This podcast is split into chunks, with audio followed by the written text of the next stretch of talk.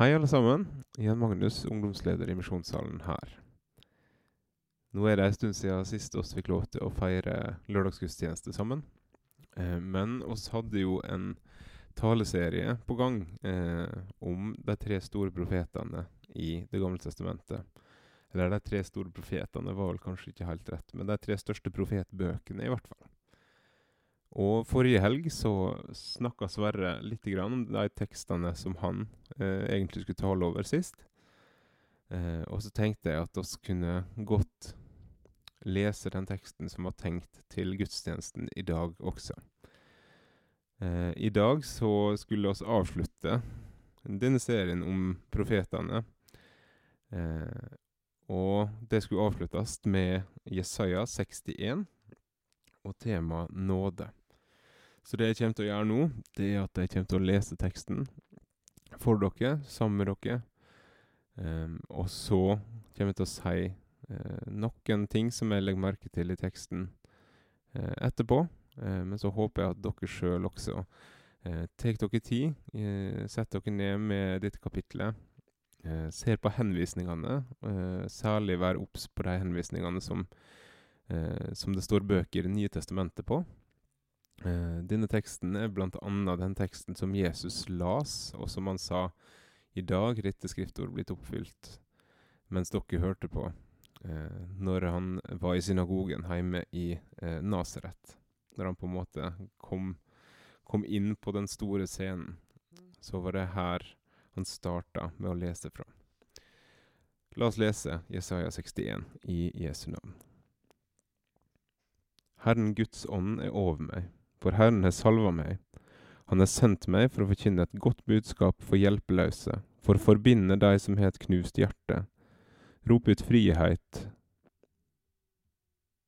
for de som er i fangenskap, og frigjøring for de som er bundne, for å rope ut et nådens år fra Herren og en hevnens dag fra vår Gud, for å trøste alle som sørger, og gi de sørgende Sion turban i stedet for aske, gledeolje i stedet for sorg, lovsangsdrakt i stedet for motløs ånd. De skal kalles rettferds eiketre som Herren har planta for å vise sin herlighet. De skal bygge opp igjen gamle ruiner og gjenreise det som før lå øde. De skal bygge opp igjen ruinbyene som lå øde fra slekt til slekt. Fremmede skal stå og gjete småfe for dere. Utlendinger skal være bønder og vindyrkere for dere. Men dere skal kalles Herrens prester. Tjenere for vår Gud skal dere heite. Dere skal ete av rikdommen til folka og overta deres prakt. Før hadde dere dobbel skam og vanære, men nå skal de juble over sin del. Derfor skal de ha dobbel arv i landet, evig glede skal de få. For jeg er Herren, som elsker rett og hater ran og urett. I truskap gir jeg dem lønn, og gjør ei evig pakt med dem. dere skal bli kjent mellom folkeslaga, etterkommerne deres mellom folka.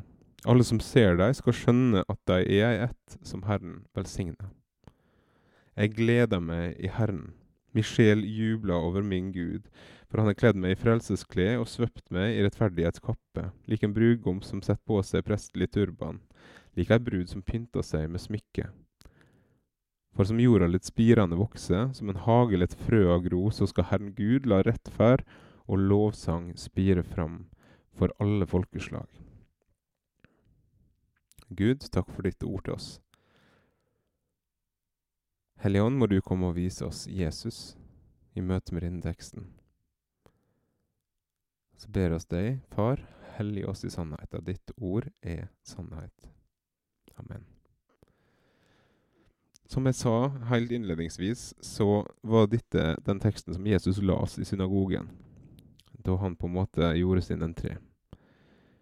Eh, da var det de første versene han las. Herren Guds ånd er over meg, for Herren er salva meg. Han har sendt meg for å forkynne et godt budskap for hjelpeløse, for å forbinde de som er et knust hjerte, rope ut frihet for de som er i fangenskap, og frigjøring for de som er bundne, for å rope ut et nådens år fra Herren. Dette var det Jesus valgte å lese. Og så sier han, det er oppfylt. Det dere har hørt lest, er blitt oppfylt rett foran øynene på dere. Og Da har jeg lyst til at dere skal bruke litt tid både på den teksten eh, som det står henvist til her i Jesaja, Eh, og på å tenke OK, så dette er oppfylt. Hva betyr det for meg? Hva betyr det for de jeg kjenner som ikke kjenner Jesus? Hva betyr det for hvordan jeg kan se på livet mitt? Kanskje spesielt nå i den tida der alt er så, så uvisst og virker så midlertidig.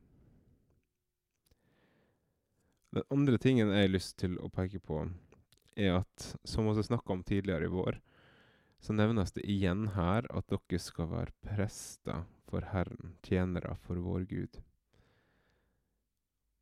Og prester, tjenere, eh, betyr i denne sammenhengen her eh, at vi skal representere og skal vise hvem Gud er. Folket skulle vise hvem Gud er. Oss har fått det samme kallet. Oss også skal være prester for Gud. Oss også skal vise en verden som ikke veit hvem han er, hvem han er. Så jeg har også lyst til å peke på det aller siste verset. For som jorda lett spirene vokse, som en hage lett frøa gro, så skal Herren Gud la rettferdighet og lovsang spire fram for alle folkeslag. Alle folkeslag skal få del i Guds nåde. Alle folkeslag skal få rettferd og lovsang som spirer fram hos seg. Hvordan er oss med på dette? Hvordan er jeg med på dette på et mer personlig nivå? Er det noe jeg kan gjøre? Er det noe jeg kan gjøre annerledes som vil gjøre dette raskere? At flere tidligere får høre? Så jeg har også lyst til at uh, når dere leser dette kapitlet, bruk litt tid på å tenke dette her eh, er tekster som Jesus knytter opp til seg sjøl. Hva betyr da denne teksten Gå gjennom den. Hva betyr det for meg? I hva situasjoner kommer dette meg til hjelp? Hva forteller det oss om hvem Jesus er, og hva det er han gjør, og hva han har gjort? Så Det var en liten sånn refleksjon fra meg. Eh, så håper jeg dere leser kapittelet for dere sjøl. Så vil jeg bare si vask hendene, hold dere friske, og Gud velsigne dere alle sammen.